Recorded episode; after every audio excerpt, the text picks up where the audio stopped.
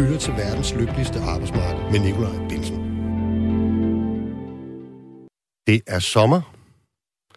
Jeg står her og prøver på at tale for at se. Ja, der lykkedes det at få senderen. Og det, jeg ville have sagt, hvis jeg havde fået den hurtigt, det var, at det er sommer. Der er EM-eufori, og sidste nedlukning synes næsten allerede længe siden. Måske er du, ligesom mig, gået på ferie, eller bare kraftigt på vej. I hvert fald kan du læne dig tilbage og lytte til det sidste live-program i nogle uger. Hvis du ikke kan undvære lyden af os, har vi heldigvis indspillet et par interessante programmer, som fortsat vil blive sendt hver mandag her på kanalen. Hvad de handler om, det kan du få en lille teaser for sidst i programmet. Her vil du også høre historien om mine to gamle kollegaer, Niller og Heime. Den er faktisk så utrolig, at man næsten skulle tro, det var en røverhistorie. Dem elsker vi her i programmet, så vi taler også lidt om, hvordan vi kan få flere af de mange fortællinger, der gemmer sig på danske arbejdspladser frem i lyset, i stedet for ned i glemmebogen. Om lidt tager vi temperaturen på sygeplejerskestrækken, som nu er trådt ind i sin tredje uge. Det gør vi dels med sygeplejersker og fællestilleskvinden på Rigshospitalet, Sara Schmidt Hall, men vi har også fået lokket FOAs tidligere forbundsformand, Dennis Christensen, i studiet. Han har som gammel topforhandler selv prøvet at skulle lande kompliceret forlig i tider, hvor forventningerne hos medlemmerne var store, men pengepungen hos arbejdsgiverne var gemt så langt ned i baglommen, at der næsten var hængerøv i sokkerne. Bagefter taler vi om EUX-eleverne. Det er dem, som kombinerer en erhvervsfaglig uddannelse med en gymnasial eksamen. Og måske er der her en succeshistorie, som kunne inspirere og være en af de måder, vi knækker den voldsomt svære nød, at alt for få unge mennesker ønsker at tage en erhvervsuddannelse, samtidig med, at vi ser ind i en fremtid med kolossal mangel på faglært arbejdskraft. Det mener i hvert fald Arbejderbevægelsens Erhvervsråd, som har mål på denne uddannelse. Vi taler med chefanalytiker Mia Dalsgaard Pil lidt senere. Jeg har som sagt gået på ferie fra mit daglige job som scenetekniker og fællestillidsmand på det kongelige teater. Men hvis du bliver hængende, kan du høre mig som vært en lille times tid endnu. Velkommen til programmet.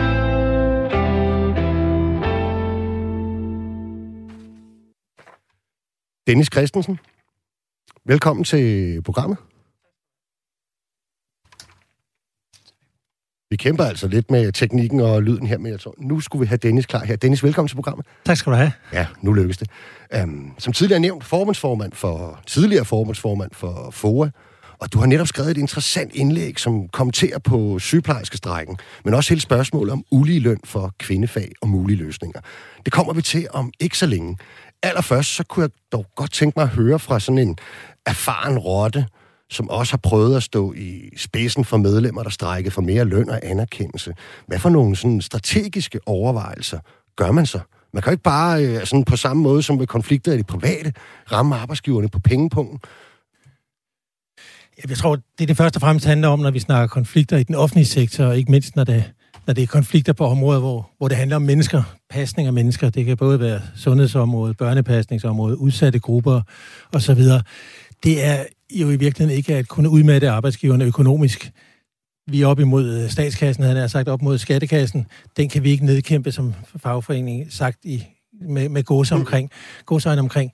Til gengæld så øh, kan vi jo i høj grad han, eller prøve at få øh, vinde kampen om, øh, om opbakning i offentligheden. Og det er virkelig det, som jeg tror, at langt de fleste af sygeplejerådets kræfter vil gå på. Være at være dem, der får befolkningsopbakning. Det er virkelig også der, mm. vi presser vores modpart bedst. Vi kan ikke presse økonomisk, men vi kan presse de politikere, der skal stå til valg. Og de har en lang række kommunalpolitiske kolleger, der skal stå på valg her til efteråret. Så, så det er der, de skal, de skal ligge presset. Mm. Og jeg skal også lige øh, huske at sige, at, øh, at hvis I sidder og lytter med derude, så kan du være, I har en holdning til sygeplejerskernes strække. Bakker du op, eller er du modstander? Hvis det er, så skriv en sms'er ind til 1424. Skriv R4, R4 efterfulgt af et mellemrum, og så jeres besked. Um, og det er jo meget interessant, det du siger, Dennis, med, at det jo netop er, hvad kan man sige, øh, chancen eller forventning om, at der sker et, øh, et regeringsindgreb, øh, og så der, hvor danskernes sympati ligesom øh, ligger. Ikke? Der er lige blevet offentliggjort en opinionsmåling, som viser et flertal af de adspurgte, altså hvis man skal svare på, om man bakker op eller ej, der faktisk bakker op om, øh, om sygeplejerskernes krav, men der er samtidig også en, en tredjedel øh, af de adspurgte, der ikke har taget stilling til konflikten. Øhm, hvordan forholder man sig til den gruppe øh, af folk, der ikke har taget stilling? De må være de væsentlige. Jamen her der vil jeg, som, øh, hvis jeg har været sygeplejerske, være lidt bekymret, fordi når jeg tænker tilbage til den konflikt, vi havde i 2008, som jo både omfattede FOA, sygeplejerskerne og pædagogerne, så var en af de øh, markante ting, det var, mm. at øh, der var opbakning i øh, den, til den offentlige sektor, eller til de, der nu var i strække, i fantastisk omfang, og endda sådan, at opbakningen steg for hver uge strækken varede, hvor jeg havde forudset og sagt til alt og alle, ja. vi kommer til at opleve, at opbakningen vil falde, så steg den modsat. Og så er det klart, så skal man være bekymret som sygeplejerske, når opbakningen ikke er helt så markant, som den var i øh, 2008. Ja, altså, de har, jo, de har jo været i en hel del øh, øh, konflikter faktisk de sidste... Jeg tror, de har været i fem sygeplejerskerne, ikke? De sidste... Ja. Jamen, det er rigtigt. Altså, de har jo forsøgt at få rykket sig på det, øh, den lønstige, eller det lønhierarki, mm. øh, som er i den offentlige sektor. Og det er de jo forsøgt i en del omgange øh, ved konflikter.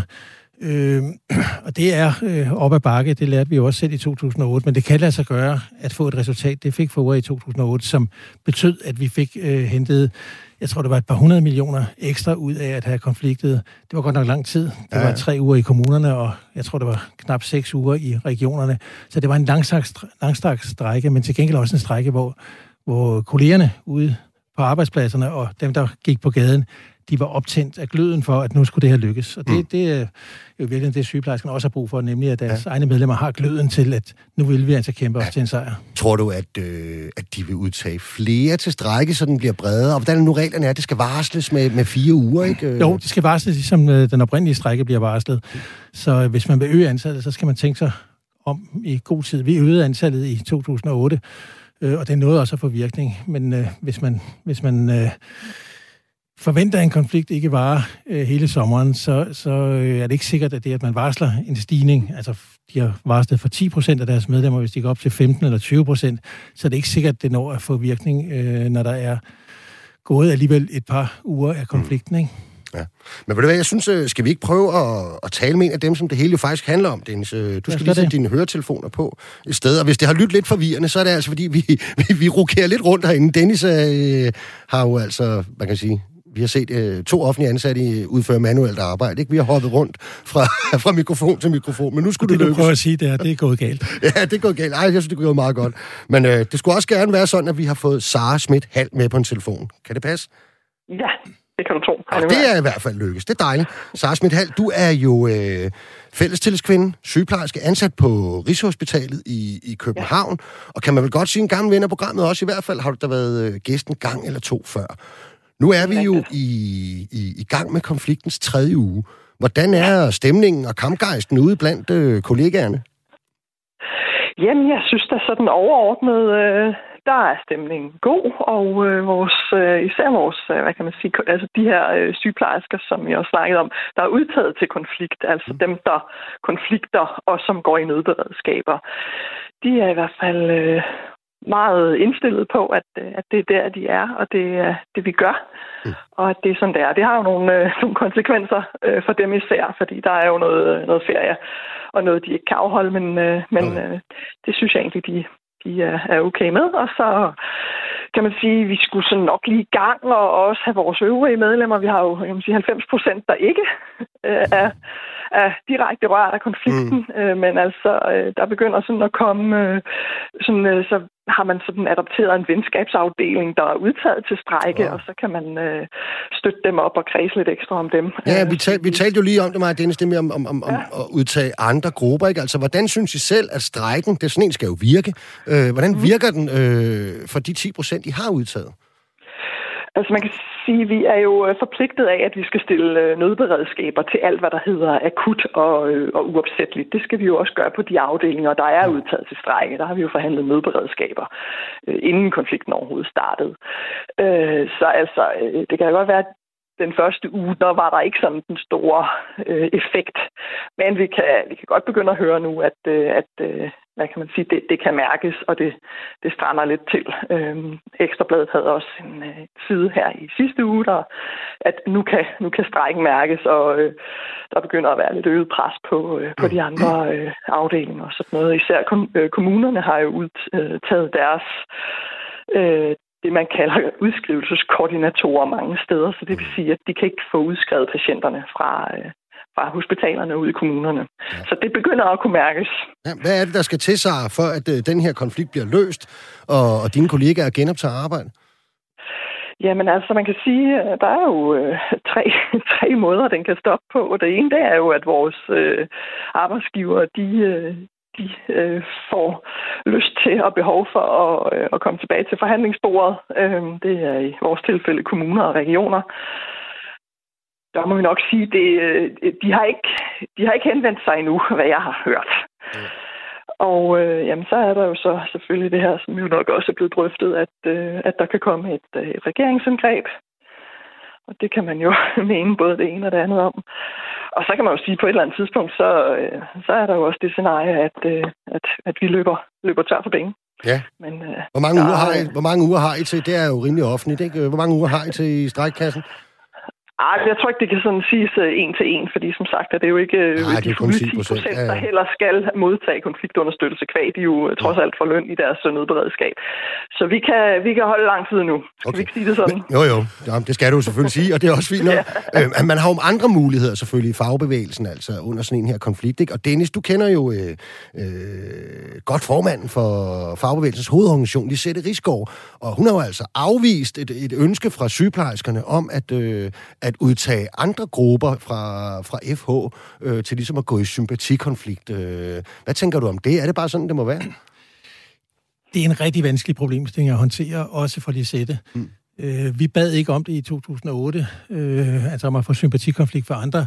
Der ligger inden for FH øh, aftaler om, at man økonomisk skal øh, støtte hinanden i konflikter, også på kryds og tværs af det mm. offentlige og det brede arbejdsmarked. Men det der med at uh, sende nogen i sympatikonflikt, det er jo vanskeligt, fordi det vil i givet fald være medlemmer af nogle fagforeninger, hvor flertallet, og nogle steder meget stort flertal, har sagt ja til det resultat, som sygeplejerskerne har sagt nej til.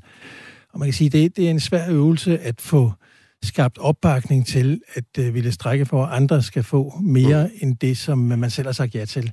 Så jeg tror, man skal erkende, det gjorde vi i hvert fald i 2008, at øh, når man kaster sig ud i sådan en kamp, og vi gjorde det frivilligt i 2008, så, øh, så står man også på sin egen ben og skal kæmpe den igennem øh, selv. Men selvfølgelig er det rart, hvis man møder sympati og opbakning og så videre fra alle andre. Det, det tror jeg da også, jeg kan fornemme, at øh, sygeplejerskerne møder fra en lang række grupper af offentlige ansatte. Mm, det tror jeg også. Og men kan I vel også godt forstå sig, at, at øh, for eksempel lavt lønnet offentlige ansatte grupper, øh, 3F'ere eller FOA-medlemmer, som har stemt øh, ja med et overvældende flertal til deres overenskomst, at, øh, at, at de ville måske også synes, det var lidt specielt, at de skulle sendes ud i, i, i strejke for jeres selvstændige krav. Det har I vel en vis forståelse for, eller hvad? Jo, altså både og. Man kan jo sige, øh, øh, derfra hvor vi står, der synes vi jo et eller andet sted, at den kamp, vi er i gang med, og den kamp, vi tager nu, den er jo øh, et eller andet sted jo ikke kun for os selv øh, som, som syg, øh, hvad kan man sige, som øh, monofag i sygeplejegruppe, at, at det er et eller andet sted for, øh, for hele, øh, hvad kan man sige, den offentlige sektor, især de, de kvindedominerede fag.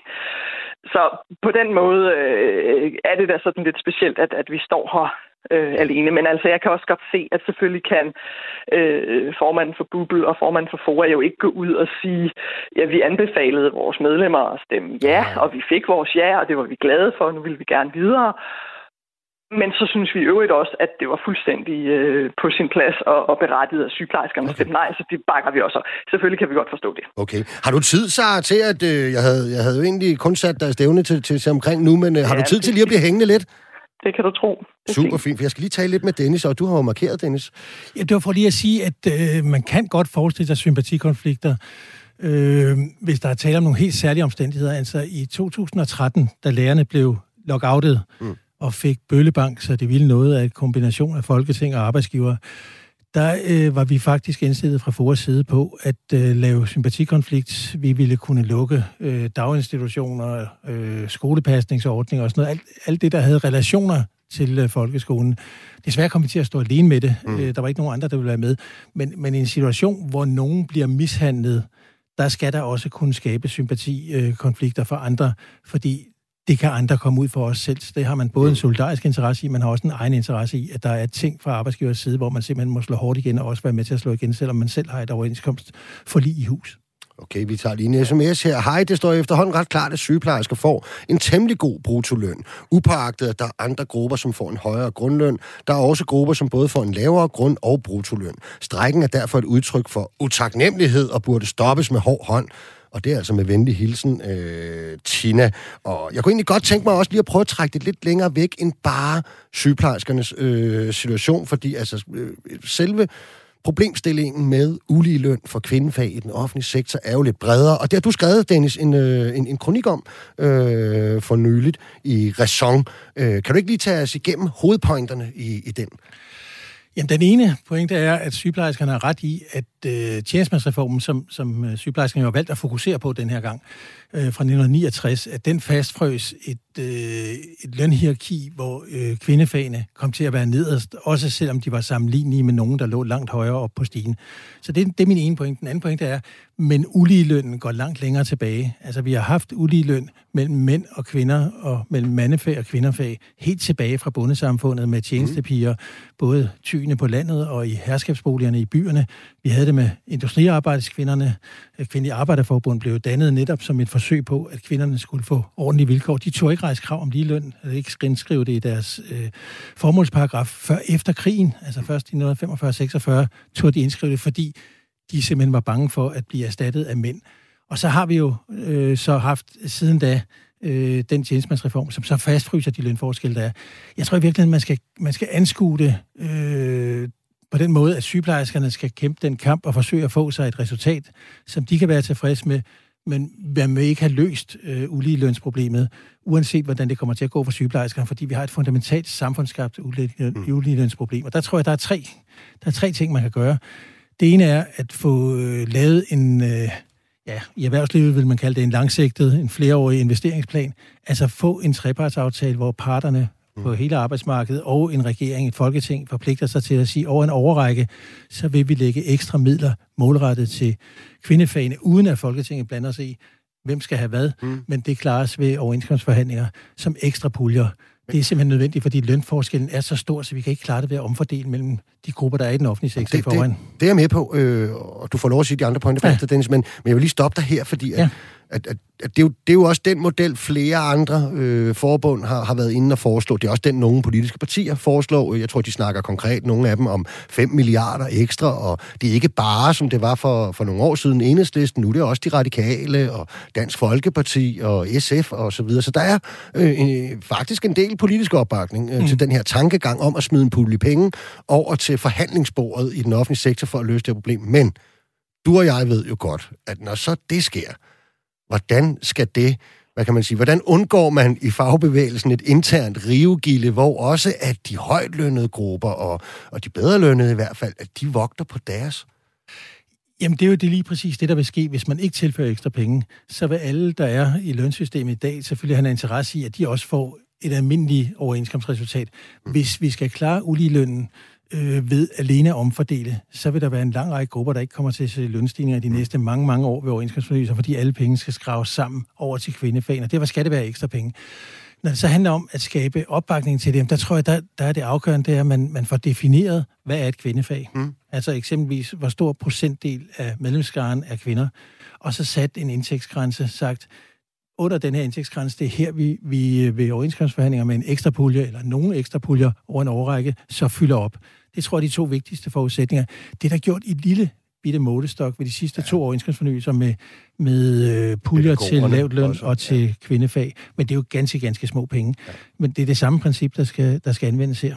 Ja, og hvis vi skal være ærlige, så noget af det blandt andet i forhold til det med, at, at, at, at sosuerne fik en pulje, så var det jo også, fordi vi kunne tale ind i, at, at arbejdsgiverne har en rekrutteringsudfordring på det område, ikke?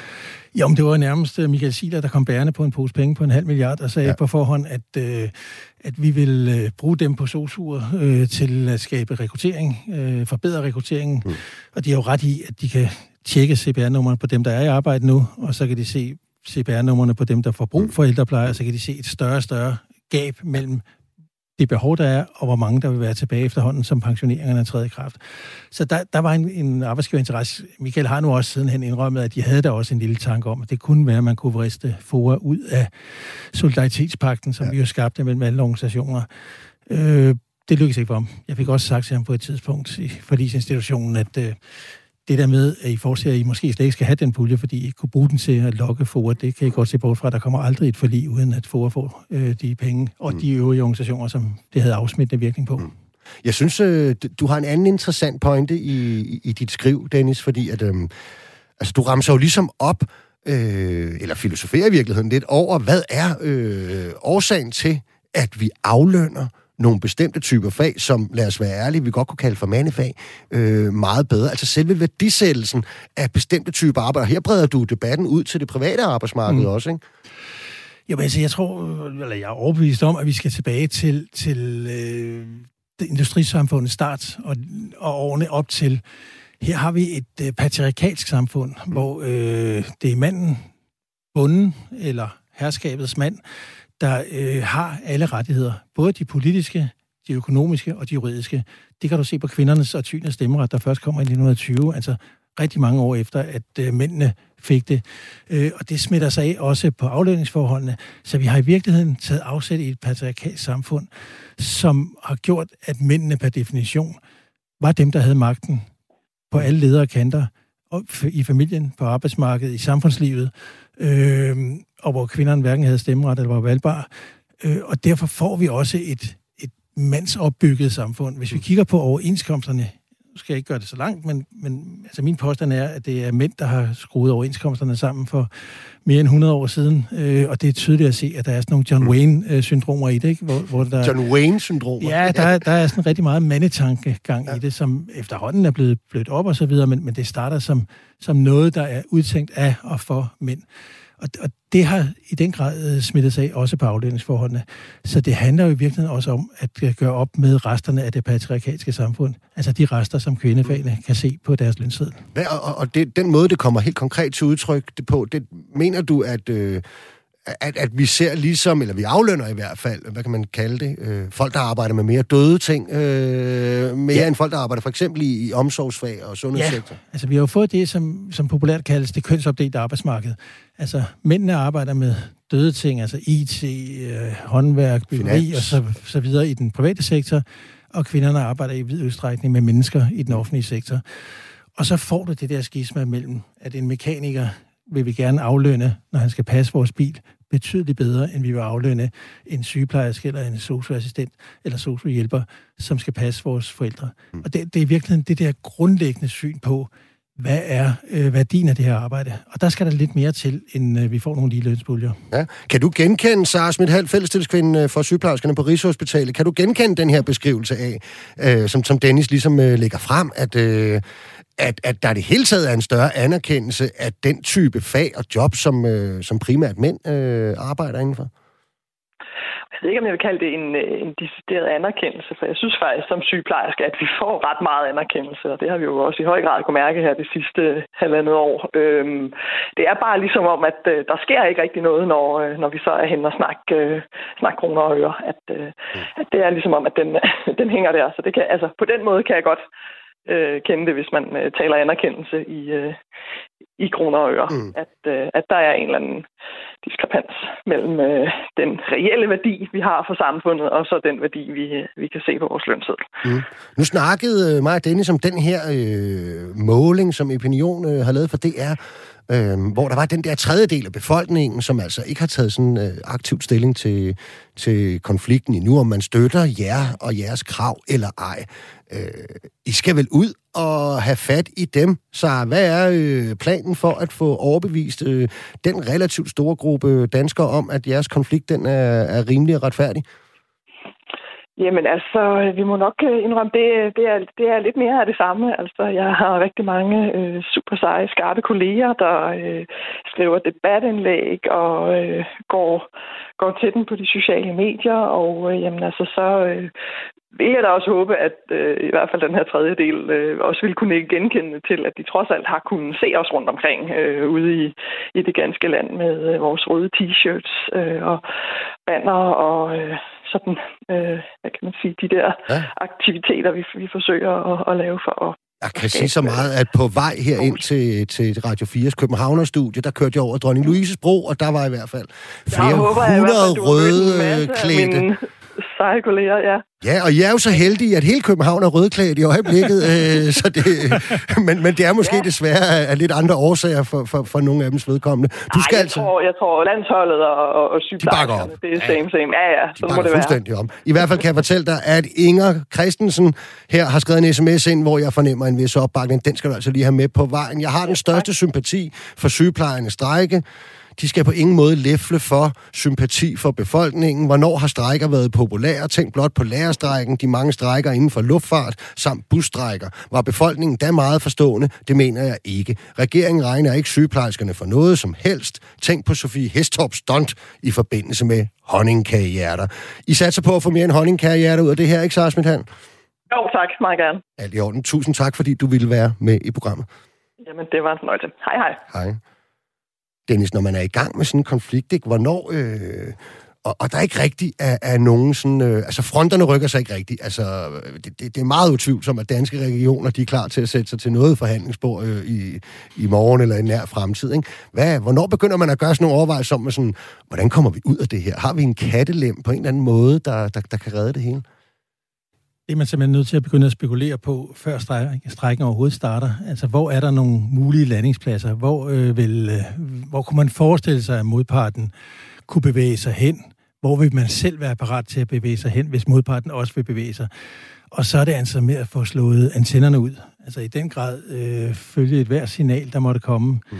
Øh, jeg tror, at sygeplejersken nærstuderer en hvilken som helst udtalelse fra, fra arbejdsgiverne eller fra Christiansborg, for at se, om der er nogle nye signaler i det. Og så må man jo, når man, hvis man fornemmer, at øh, det her har der ikke været sagt før, at det er en lille åbning, så må man jo have fat i telefonen og høre, nå, tænker jeg anderledes i dag, end I gjorde i går? Det gjorde jeg også en del gange i 2008 og konstaterede så, nå, jamen, det var da hyggeligt lige at snakke sammen. Ha' det godt, så vi snakker sammen næste gang. Ja, og her til allersidst, øh, Dennis Christensen, når jeg snakker med arbejdsmarkedsforskere, så vil de jo meget nøde spå om øh, udfaldet af sådan en øh, konflikt. De holder sig til, til facts på en eller anden måde. Jeg tænker, at du godt kan kigge lidt øh, i kaffegrumset i koppen og sige, kommer der et regeringsindgreb, og kommer det snart? Øh, eller hvordan tror du, udfaldet af den her konflikt bliver? Altså i 2008, der forudsagde alle et regeringsindgreb inden for en uge. Øh, der vil komme lige på bordet, og det vil være ligesom begrundelsen, legitimis, legitimiteten for at øh, stanse konflikten. Det kom ikke til at ske. Øh, og jeg tror faktisk, det var sådan, at øh, pædagogerne fik besked, eller rettere sagt FTF, deres hovedorganisation, fik besked på, at Folketinget blev sendt på ferie, øh, og de ville ikke blive indkaldt ekstra den her, der god strække sommeren over. Øh, så, så hvis denne regering har den samme indstilling til ikke at ville blande sig, så længe der ikke er tale om, at førlighed, liv, helbred osv. står på spil, så kan det blive en langvarig konflikt.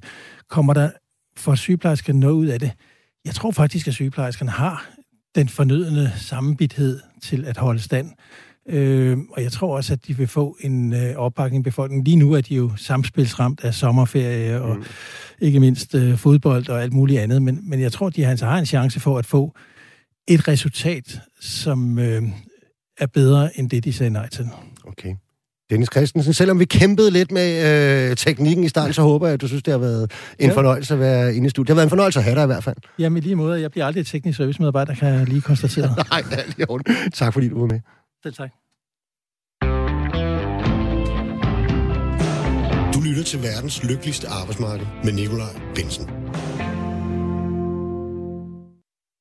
Og vi har netop taget temperaturen på den igangværende sygeplejerske konflikt, samt hele spørgsmålet om manglende ligeløn for kvindefag. Og i den forbindelse talte vi med tidligere forbundsformand for FOA, Dennis Christensen, samt fællestilleskvinden for sygeplejerskerne på Rigshospitalet, Sara Schmidt Hall.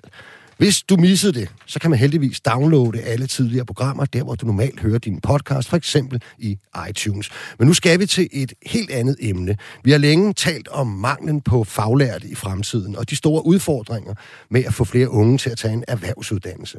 Vi kommer til at mangle tømmer, elektrikere, frisører og andre lignende fag i Danmark, hvis ikke der sker noget drastisk inden 2030, hvor vi står til at mangle op imod 100.000 faglærte ifølge Arbejderbevægelsens Erhvervsråd. Men måske kan den nye EUX-uddannelse være med til at få flere unge til at vælge en erhvervsuddannelse. Det er i hvert fald vurderingen fra Arbejderbevægelsens Erhvervsråd, og jeg kan nu sige velkommen til Mie Dalskov Pil, der er chefanalytiker i Arbejderbevægelsens Erhvervsråd, som i daglig tale bare hedder AE-rådet, ikke? Det er helt rigtigt, og tak fordi jeg måtte være med. Det er øh, så lidt. I har målt på uddannelses- og beskæftigelseseffekten af den her EUX-uddannelse. Men vi skal høre, hvad I har fundet frem til øh, om lidt. Øh, kan du ikke lige starte med at forklare, hvad, hvad er det særlige ved den her uddannelse? Jo, altså det, der er det særlige ved EUX'en, er, at det faktisk er en form for hybrid. Altså du får den gode, klassiske erhvervsuddannelse, der giver jobgaranti, håndværket, altså den faglige ballast, og så får du altså noget andet oveni. Du får studentereksamen, der giver direkte adgang til de videregående uddannelser, uanset hvilken en, der er tale om. Så du får i virkeligheden både i pose og i sæk, og derfor har vi været enormt spændte på at se, hvad kan man med den her hybrid. Øh, skal lige, hvor mange år tager den? Tager den det samme som for eksempel en gymnasial uddannelse? Nej, ah, den, tager, den, den tager lidt mere, og der ja. er jo forskel på, hvad det er for en. Altså, der er jo en lang palet af erhvervsuddannelser, man kan tage med en EUX, og man kan sige, fælles for dem alle sammen er, at en erhvervsuddannelse, jamen den kan tage sådan op til faktisk 4,5-5 år. Det tager lidt ekstra, hvis du skal have UX'en, men du får jo også fag på gymnasialt niveau. Det kan være matematik, det kan være dansk, men det kan jo også være fysik og kemi. Altså, tanken er jo ligesom, at kombinationen af nogle faglærte kompetencer og en gymnasial eksamen, så kan få flere unge til at vælge en erhvervsuddannelse. Ikke? Og nu lad os bare lige gå ned i jeres undersøgelse. Det tyder, tyder noget på, at det er rigtigt? Altså, man kan i hvert fald sige, at vores øh, drøm eller vores hypotese er blevet bekræftet i, at det her det er en uddannelse, der både skal give en adgangsbillet til, øh, til de videregående uddannelser og en jobgaranti. Fordi vi kan se, langt de fleste, to tredjedel, de er ude og have et arbejde et par år efter eller samme år, som de bliver færdige. Men vi kan også se, at der er relativt mange, der allerede der er i gang med at læse en videregående uddannelse.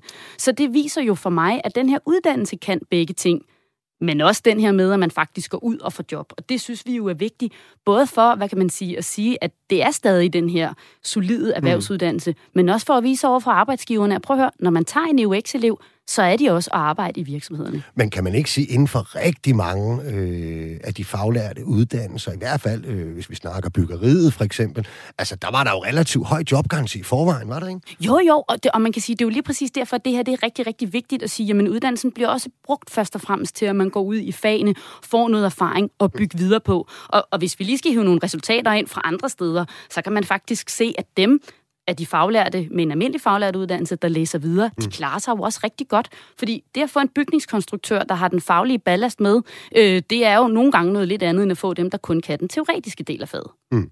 EUX'en er en relativt ny uddannelse, øh, og mange arbejdsgiver, de har altså været sådan lidt skeptiske måske, ikke i forhold til at tage blandt andet lærlinge herfra, fordi eleverne jo så også bruger en, en meget stor mængde af deres tid øh, på bøgerne, kan man sige, ikke? Øh, og måske er de også lidt nervøse for det der, som I ser som et positivt tal, nemlig at nogen altså ret hurtigt øh, uddanner sig væk fra faget. Jamen i virkeligheden, så kan man sige, at jeg kunne næsten ikke have ønsket mig bedre tal, fordi det er klart, at hvis vi viste, at 80% gik i gang med at læse videre, så havde man måske lidt svært ved at sige til arbejdsgiverne, prøv lige at se, her der er faktisk en elev, som du også får glæde af. Når vi kan vise, at 4 ud af 5 øh, cirka er, er i gang med, undskyld, 4 ud af 6 er i gang med at arbejde, jamen så viser vi jo også, at man starter med den her faglige ballast. Mm. Ikke nok med, at lærlingeperioden jo giver sådan et, en god indføring i faget, men, men jeg er jo glad for, at, at det store tal for, hvor mange der læser videre, jamen det er hver sjette året efter.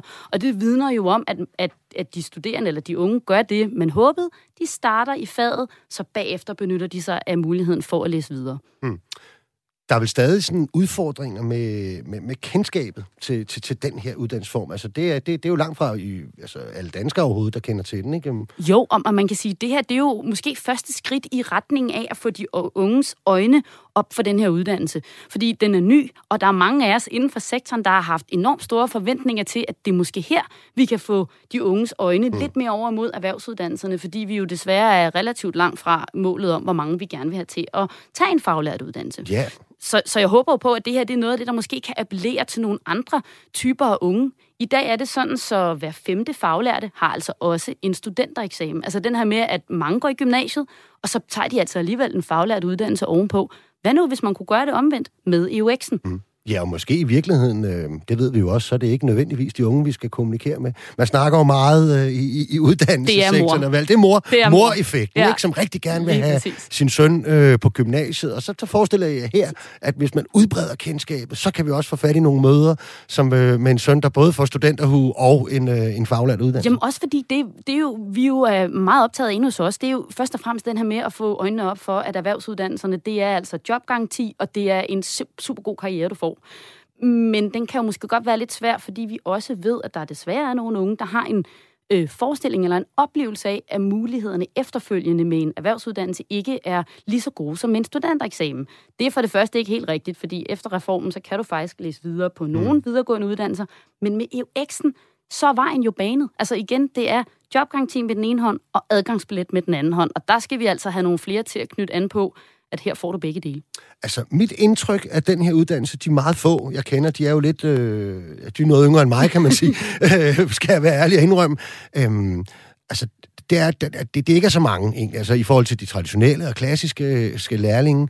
Og, og jeg må også indrømme, dem jeg har mødt, de virker også som nogen, der er og det, det, det er sagt altså uden, at det skal lyde forkert, men, men nogen, som, som, som kommer fra ressourcestærke hjem, og selv har en, en, en meget stærk drivkraft, fordi lad os være ærligt, det er noget hårdere arbejde at tage den her uddannelse, end det er at stå i lære som muresvend eller tømmer på, på normalplan. Ikke? Jo, men du skal have hænderne skruet godt på. Du Ja. skal op kl. 7 om morgenen og passe en arbejdsplads, men så skal du også kunne gøre det der ret hårde i at sidde og læse matematik mm. på A-niveau kl. 16 om eftermiddagen, mm. eller skulle op til en prøve øh, ugen efter. Og det er, øh, det, det er noget lidt andet, og det er jo også derfor, at det er mit store håb, at vi skal altså have flere unge og deres forældre til at se, at måske var det her løsningen for mange af de, undskyld, ekstra, der mm. går i gymnasiet i dag, fordi det er jo altså sådan, så det er næsten 4 ud af 5 i en ungdomsårgang, der tager ja. en, en studentereksamen. Så jeg kunne godt tænke mig lidt flere af dem komme over på den her uddannelse. Ja, det er måske en meget god pointe, det der i virkeligheden, ikke? Altså at netop prøve at få rekrutteret øh, fra dem, som... Øh, altså, vi har jo nogle gange det her lidt skæve syn på de erhvervsfaglige uddannelser, at, at det er jo ligesom dem, der ikke kunne komme i gymnasiet, ikke? Og der, der er det her jo en hybrid, altså. Jo, det, det er en hybrid, og det er en, jeg håber, det bliver en game changer, men det er også noget, der bygger for mig oven på den fortælling om, at jamen, erhvervsuddannelserne i sig selv, det er en super god karrierevej, og du har altså et erhvervsliv, der de næste mange år står og tager imod dig med åbne arme. Mm. Altså, en ting er, hvad man kan gøre i forhold til at skrue nogle uddannelser sammen, og en anden ting er jo selvfølgelig udbuddet ad både uddannelser, øh, praktikpladser og så videre, for at løse det her problem. Ikke? Øhm, jeg synes, vi lidt nogle gange strander i debatten, fordi at, øh, at, at så, så siger vi alle sammen, og det er jo rigtigt, vi skal tale de erhvervsfaglige uddannelser op, ikke? men der er altså også noget, hvad kan man sige, med kulturen omkring det, fordi er der en ting, jeg har fundet ud af med de unge mennesker i hvert fald, så er det jo, at er der noget, de ikke gider, så er det at være med til at løse et øh, problem omkring manglende arbejdskraft om et eller andet. Så kan I sidde og regne over i AU-rådet og i Finansministeriet og alle de andre steder. Ikke? Altså, det gider de altså ikke. Det lyder ikke særlig sexet at være med til at løse et, øh, et arbejdskraftproblem. Uddannelsen skal være fed, og man skal kunne se sig selv i den. Ikke? Jo, og man skal måske også i høj grad kunne se sig selv i det liv, der kommer bagefter. Og mm. det er jo derfor, vi har regnet solen sort, synes jeg, i noget af det, der måske er nemmere at knytte an på, med at sige, jamen med erhvervsuddannelsen, der kan du gå ud og, og blive løvens hule-typerne, ikke? Mm. Altså, du kan få egen virksomhed, du kan læse videre, som det er i dag, du kan blive leder, og det er jo de billeder, vi også skal have ind i de unges hoveder, og muligheden, eller Ja, er tegningen god af, at ikke? Altså masser af erhvervsuddannelserne... dem, der øh, tager patent på opfindelser og så videre, det er, det er håndværkere og folk med en erhvervsfaglig baggrund. Ikke? Jo, jo, og hvis du har øh, en eller anden drøm om at sætte dig i direktørstolen, så er det jo ikke nødvendigvis CBS, så kunne det være, det var erhvervsuddannelsen, du mm. skulle ind på. Ikke? Og, og det er jo også nogle af de billeder, vi skal arbejde med. Ja, det er den ene, men jeg synes, det, fordi der er noget i den her debat, som nemlig handler om selve kulturen omkring det, og måske også det miljø, som er, hvad kan vi kalde det, hvis det er i det andet uddannelsessystem, så vil vi kalde det studiemiljøet. Det gør vi jo ikke rigtigt på de erhvervsfaglige uddannelser, men selve miljøet. Jeg har både prøvet at gå i gymnasiet og teknisk skole, og det er mange år siden, og det ene, det var altså, for at sige det på den ene, altså det var... Gymnasiet var lidt som en gratis betalt Roskilde Festival, ikke? Øh, og teknisk skole, det var en meget, meget, meget slidt havnefest, øh, hvor der stod og spillede et røvballband øh, nede for inden, og jeg skulle betale for alle mine øl selv også, ikke? Altså, vi skal have gjort noget ved, ved, ved, ved studiemiljøerne og selve kulturen omkring, at det altså også er fedt at tage de erhvervsfaglige uddannelser, ikke? Jo, og det, og det er jo der, hvor vi måske skal have både den faglige stolthed, men også den her praksisvigtighed ind igen. Mm. Og det taler jo både ind i folkeskolen, men også i, i valget efter. Og så tror jeg også, vi skal huske på det her med, at det arbejdsmarked, vi har i dag, det er altså noget andet end, end det, der var for 20-30 år siden. Så det der med at uddanne sig løbende, det skal vi alle sammen huske på, og der skal man altså også huske, at erhvervsuddannelserne, det giver altså en garanti i, i hvert fald den første del af, af, ens arbejdsliv, ikke? For du kan gå ud, og så kan du få et arbejde med det samme. Nu har vi i hvert fald gjort, hvad vi kunne gøre for at udbrede kendskabet til det her. Mie Dalsgaard Pil, mange tak, fordi du vil medvirke i programmet. Spændende indspark, og forhåbentlig så kan det medvirke til, at vi får knækket kurven. Tak fordi jeg måtte komme. Det er så lidt. Lytter til verdens lykkeligste arbejdsmarked med Nikolaj Bensen. Og her i den sidste del af programmet var det meningen, at vi skulle tale lidt om, hvad man kan se frem til i forhold til de sommerprogrammer, vi har forberedt. Og så var det jo tanken, at jeg skulle fortælle historien om Niller og Heime. Nu kan jeg se min producer, Julie, og hun har altså også haft travlt i dag, skulle jeg hilse at sige. Hun har bevæget sig ind i studiet. Hej, Julie. Hej, Nikolaj. Ja. Øh, vil du være med til at høre historien om, øh, om Heime og Niller? Det kan du tro. Det har jeg glædet mig til. Nu måtte jeg jo lige starte med at rykke lidt rundt på nogle øh, mikrofoner, så vi overhovedet kunne høre dig. Ja. Så øh, jo, lad mig høre den. Og måske inden jeg hører den, kan du lige forklare, altså hvad er det, du gerne øh, vil fortælle med den her historie? Jo, men altså, det er jo fordi, at øh, altså, når jeg sidder sammen med mange af mine venner, som måske har sådan en øh, håndværksmæssig baggrund, eller som er folk, der kommer fra, enten øh, har de været, eller også er de stadig på nogle af de der sådan store kollektive arbejdspladser. Det kunne sådan set være Rigshospitalet, hvor Sara øh, kom fra. Det kunne være min egen, det kongelige teater.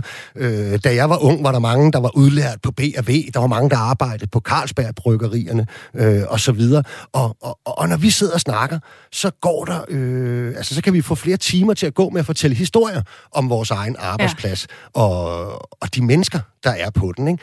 Og, og, og det er nogle gange lidt omvendt, end når jeg møder nogle andre venner, jeg har, som er sådan, måske har nogle andre uddannelser og arbejder i nogle fag, hvor de sådan er lidt mere øh, alene.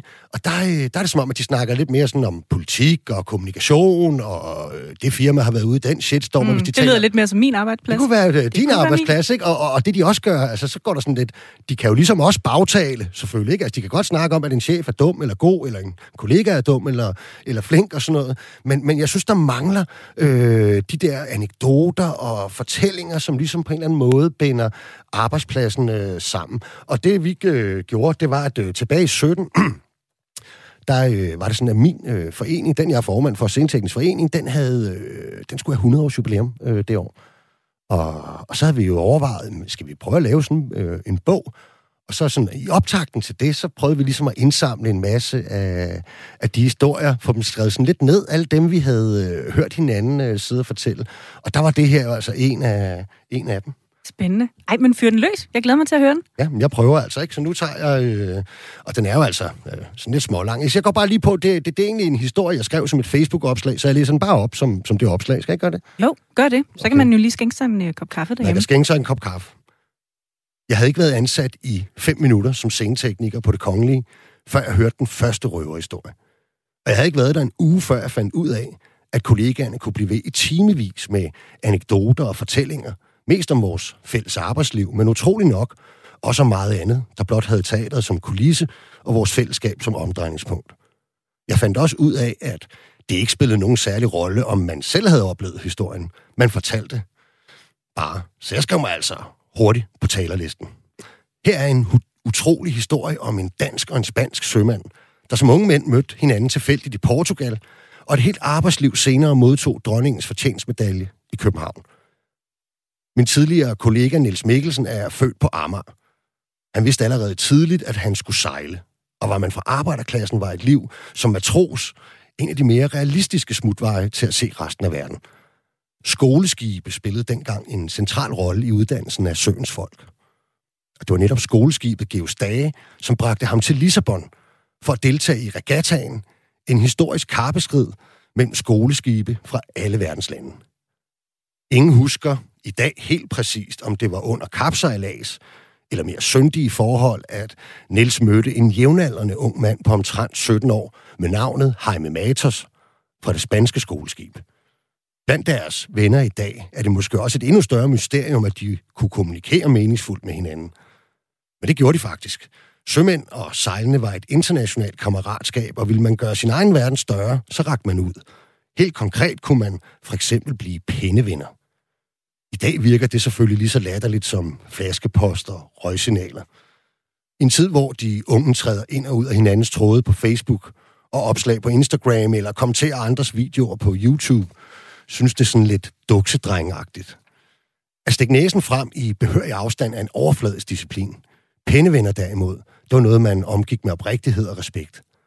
Heime, han var fra de kanariske øer, og Niels var fra Lortøen. Så de fandt hurtigt ud af, at de kom fra hver sin ende af Europa, og begge samlede på frimærker fra alle verdenshjørner. En udveksling af skrevne ord i form af tanker og oplevelser blev således i overvis ledsaget af bytteobjekter. Desværre mistede de kontakt med hinanden, da Heime under en flytning smed adressen på sin danske ven væk.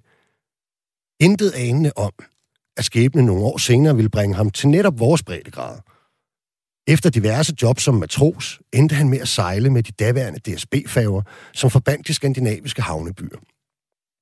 Og et sted midt i 20'erne mødte han Kirsten, sin hustru gennem resten af livet. Lige så lang tid vi kan huske tilbage, var sengteknikerne på det kongelige teater søfolk, der var gået i land. Stilagsarbejde var et andet foretrukken fag for friske mænd, der ikke længere måtte sejle for deres koner. Det gav mening. Søfolkene var vant til at arbejde med tovværk, og de var vant til at knokle. De var hverken bange for højder eller besønderlige arbejdstider, og de havde typisk erfaring med rækkearbejde. Frem for alt, så elskede de at arbejde i chak og det praktiske sammenhold. Sømændene tog mange af deres fags traditioner med på land, hvilket den dag i dag præger det scenetekniske arbejde. Det er for øvrigt stadig forbudt at fløjte på det kongelige teater senere, men det er en anden historie. I dag har vi kun én nuværende kollega tilbage med et tidligere medlemskab hos Sømændenes Forbund. Han hedder Kim. Han aldrig bliver kaldt andet end sømanden, siger jo nok noget om hans særstatus eller vores opfindsomhed. Det tager fire et halvt år at blive udlært scenetekniker, men vi rekrutterer også blandt håndværk, ofte elektrikere og smede. Da Niels startede på teateret i 1968, var en baggrund som sømand stadig i meget høj kurs, og der var stadig mange med en fortid på verdenshavene blandt kollegaerne. Sorte Kai var en af dem. Kai han havde længe gået og håbet på en åbning til at kunne skaffe sin nye svigersøn ind på talet. Familierelationen var ingen hindring dengang. Nærmest tværtimod. Desuden så var han jo sømand. Hans bekymring gik mere på den detalje, at svigersønnen var fra Spanien og talte et noget gebrokken og jomfrueligt dansk. Dengang bød kollegaerne nye folk velkommen med en kort samtale, der fulgte det samme og helt særlige mønster. Hvem kender du? Hvad kan du skaffe? Og er du medlem af fagforeningen? Altid i samme rækkefølge. Var der tid til overs, kunne man gå i gang med at tale om sig selv. Gerne og helst, hvis man kunne tage udgangspunkt i en fællesnævner. Det var præcis dette sted i samtalen, at Neller blev bekræftet i en gammel sandhed blandt søfolk. Verden er både stor og lille på samme tid. Jeg har haft en pindeven fra de kanariske øer, som sejlede med et skoleskib, sagde han til sin nye spanske sceneteknikerkollega. Hvad hed han, blev der svaret. Jaime Matos. Jamen, det er jo mig. En af de mest utrolige samtaler i en af de mest vidunderlige historier i sceneteknikken. Sådan rundt regnet 40 år senere mødte de begge op hos dronningen for at modtage hendes majestæts fortjensmedalje. Ansatte i højere lønnede og mere betydningsfulde stillinger, forfremmede typer inden for departementerne, danskere kendt fra erhvervslivet, eller af andre grunde kendt af kongehuset, eller måske bare offentligheden, de kan opnå diverse ordner i en forholdsvis ung alder. Men som almindelig lønmodtager er 40 år som statsansat reelt den eneste mulighed for at komme i betragtning. Niels havde lånt hvide handsker i kostymetjenesten, og fik til gengæld lidt længere tid hos majestæten. Det er fordi, jeg er fra teateret, sagde han til en kontorchef længere nede i køen. Heime og Niels havde været kollegaer i et halvt liv, præget af sammenhold, hårdt arbejde og fantastiske fortællinger. For mig og mine kollegaer er denne anekdote blot en af mange små historier, som udgør vores fortælling. De behøver ikke hver en at være sjove eller have lange pointer. Bare de tilhører os alle sammen. I år fylder vores forening 100 år, og vi har besluttet at skrive vores egen historie. Sceneteknikerne på det kongelige teaters historie. Vi er i gang, og forhåbentlig får vi rejst penge til en udgivelse. Moderne konkurrencestatssoldater hopper fra job til job. Det er planlæggerne og ikke de planlagte, som er kulturbærere i fremtidens organisationer. De er nu søde nok, men de er bare nogle fedterøve med historierne. Selv det hjørne af tilværelsen synes præget af afmålt passion og retorisk taktik. Det bliver mest til fritidsbilleder af advokatomader, cykelgear og fitness-selfies. Hvis det er alt, de har at fortælle, så kommer vi det til at mangle noget. Gør vi ikke? Hold da op. En utrolig historie. Altså, det er jo sådan noget, hvor man tænker, øh, det, lyder for vildt til at være sandt. Simpelthen. Jo, det skulle man slet ikke tro, at det kunne lade sig gøre. Men den er god nok, og i vores bog er der altså, øh, det er jo ledsaget af et billede af, af, af Niels og Heime med deres fortjenestmedaljer, hvor de sidder. Så den, den passer altså fuldstændig, men jo... Fantastisk. Man kan jo godt blive en lille smule øhm, nostalgisk, altså tænke om, om der... Jeg håber virkelig, der stadigvæk findes sådan nogle historier rundt omkring ude på arbejdspladserne. Jamen, det er jo det, og, og, og vi kunne godt tænke os at fortælle nogle af dem videre. Så hvis man har en historie ude fra arbejdspladserne, så kan man altså enten finde mig på de sociale medier, eller man kan skrive til arbejdesnabel af radio4.dk. Og så må vi se, om øh, ikke at øh, man enten selv kan komme ind og læse den op, eller også så kan jeg gøre det, hvis man kan holde ud og høre på min stemme. Monik. Men altså, vi har jo også, øh, Julie, nogle, øh, vi har jo nogle programmer, øh, Ja. som vi har forberedt her, som skal spilles øh, over de næste par uger øh, i sommeren. Ja, vi kunne jo godt tænke os bare en lille smule sommerferie, så de næste fire uger, der bliver det nogle øh, programmer, som, øh, som ja, er, er foroptaget, men øh, bestemt ikke mindre værd at lytte til af den grund. Og øh, i næste uge, der kan man glæde sig til at høre historien øh, om, om det, der hedder øh, en bog, der hedder Working Poor. Og hvad er det, den handler om, Nikolaj? Jamen, øh, det er øh, journalisten Peter Rasmussen og fotografen Søren Søjt, som øh, har rejst rundt i Europa. Tidligere har de rejst rundt meget i, den, øh, hvad kan man sige, i Asien og Latinamerika, og sådan beskrevet fattigdom og de arbejdsmarkeder, der findes derude, og sådan lidt usle vilkår. Øh, og så her, de sidste par år, der har de altså rejst rundt i Europa, og fortæller jo om, øh, hvordan at øh, folk, der, der, der, der ligner dig og mig i virkeligheden, mm. og helt almindelige mennesker, lige pludselig er blevet bragt i nogle situationer, hvor selvom de har et arbejde, så øh, er de, øh, eksisterer de sådan set under det, der er de definerede fattigdomsgrænser i deres Ja, det man jo så kalder working poor, at selvom man er i job, så er det til nogle vilkår og en løn, der er så utrolig, at, at man de facto er fattig.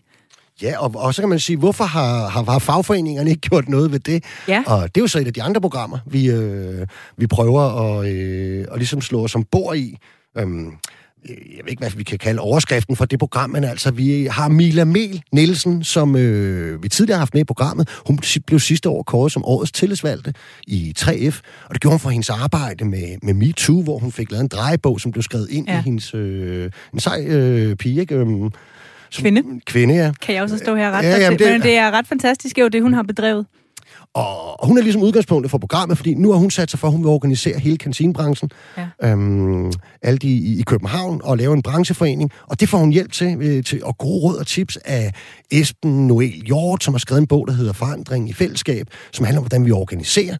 Og af Anne Stær Nissen, som er chefkonsulent i Deltager Danmark, som har skrevet en bog, der hedder øh, Byggesten til fremtidens fagforening. Meget, meget, meget spændende øh, snak. Ja, måske især i lyset af, at der jo øh, for ikke så lang tid siden kom den her øh, undersøgelse, som viser, at opbakningen til den traditionelle fagforening er, faldende i en grad, som er mm. ret øh, tankevækkende. Ja. Så det der med at reflektere over, hvad er det egentlig for en rolle fagforeningen spiller, det, det tænker jeg bliver spændende. Ja, og det, øh, vi, vi er i hvert fald meget godt øh, tilfredse med det selv, kan man sige.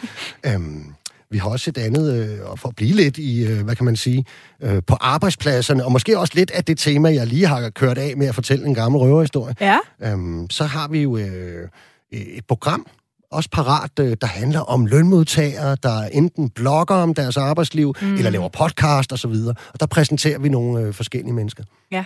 Ja, det, det er altså spændende. Det er et godt øh, udgangspunkt til, hvis man har kørt lidt død i madblogs og lignende. Øh, det, det her med, at vi bruger så mange timer af vores liv på arbejdspladsen, og dykke lidt ned i, kan man ikke også bygge en mega spændende podcast eller en mega spændende blog op omkring det, som jo er noget, vi alle kan relatere til. Ja, så det har du talt med, med nogle mennesker om, hvordan de Ja. har gjort det på hver deres måde. Ja, lige præcis, og det skal man glæde sig til. Så har vi også øh, et program, vi har valgt at kalde for coronadagbøger. Og det, ja. det var i virkeligheden, jeg, jeg, jeg spurgte øh, to personer øh, allerede tilbage i, i december måned sidste år, da, da den anden nedlukning ligesom ramte landet. Ja, den store nedlukning kan vi vel også Ja, det kan vi kalde, kalde den. den. Og der synes jeg, det var sådan lidt, at der var kommet en meget polariseret debat herhjemme, hvor at, øh, at på den ene side, så kunne man sådan tillade sig at sige, at øh, nu skulle erhvervslivet også holde deres kæft. De har fået hundredvis af milliarder af kroner mm. i, i hjælpepakker og understøttelse øh, for at holde hånden under dem. Og samtidig så var der nogle selvstændige, der sagde, mens jeg er ved at miste mit job, så sidder de offentlige ansat bare derhjemme øh, på en øh, betalt øh, badeferie på, Ja. på, på mine skattepenges vegne. Ikke? Øhm, jeg, jeg synes, det var blevet sådan lidt skævt. Så jeg havde bedt en, øhm, en, en selvstændig, øh, en caféejer, om at føre dagbog, og en øh, skolelærer i en specialinstitution, som havde været på arbejde hele tiden. Øh, Ja. Og så laver vi sådan nogle nedslag undervejs. det, der synes jeg, man skal glæde sig til at høre, altså, hvor øh, på, på en eller anden måde, selvom de har så forskellige udgangspunkter, jo på hver sin måde, også har, øh, ja, netop det her, du siger med, hvordan oplevede en selvstændig, alle det her ting, hvordan oplevede en offentlig ansat, det, er, det, det har de været rigtig gode til at beskrive. Ja, ja, og de er jo ikke sådan helt enige om, hvordan virkeligheden så Nej, ud, netop. men øh, jeg tror, der kommer lidt større respekt og forståelse for hinanden. Gode til at løbet af- beskrive deres egen virkelighed, og måske fremme, at der bliver lidt mere forståelse for Ja. hinandens situation. At der var ikke nogen af os, der synes, det var fedt. Nej, Det er lige præcis det. Og vil det være, Julie, jeg tror, det var, hvad vi nåede at bringe i dag. Vi ses om nogle uger, og så håber jeg, at du som lytter vil følge med i vores sommerprogrammer, som sendes samme tid og sted hver mandag. Og verdens lykkeligste arbejdsmarked, det er produceret af Rackerpark Production.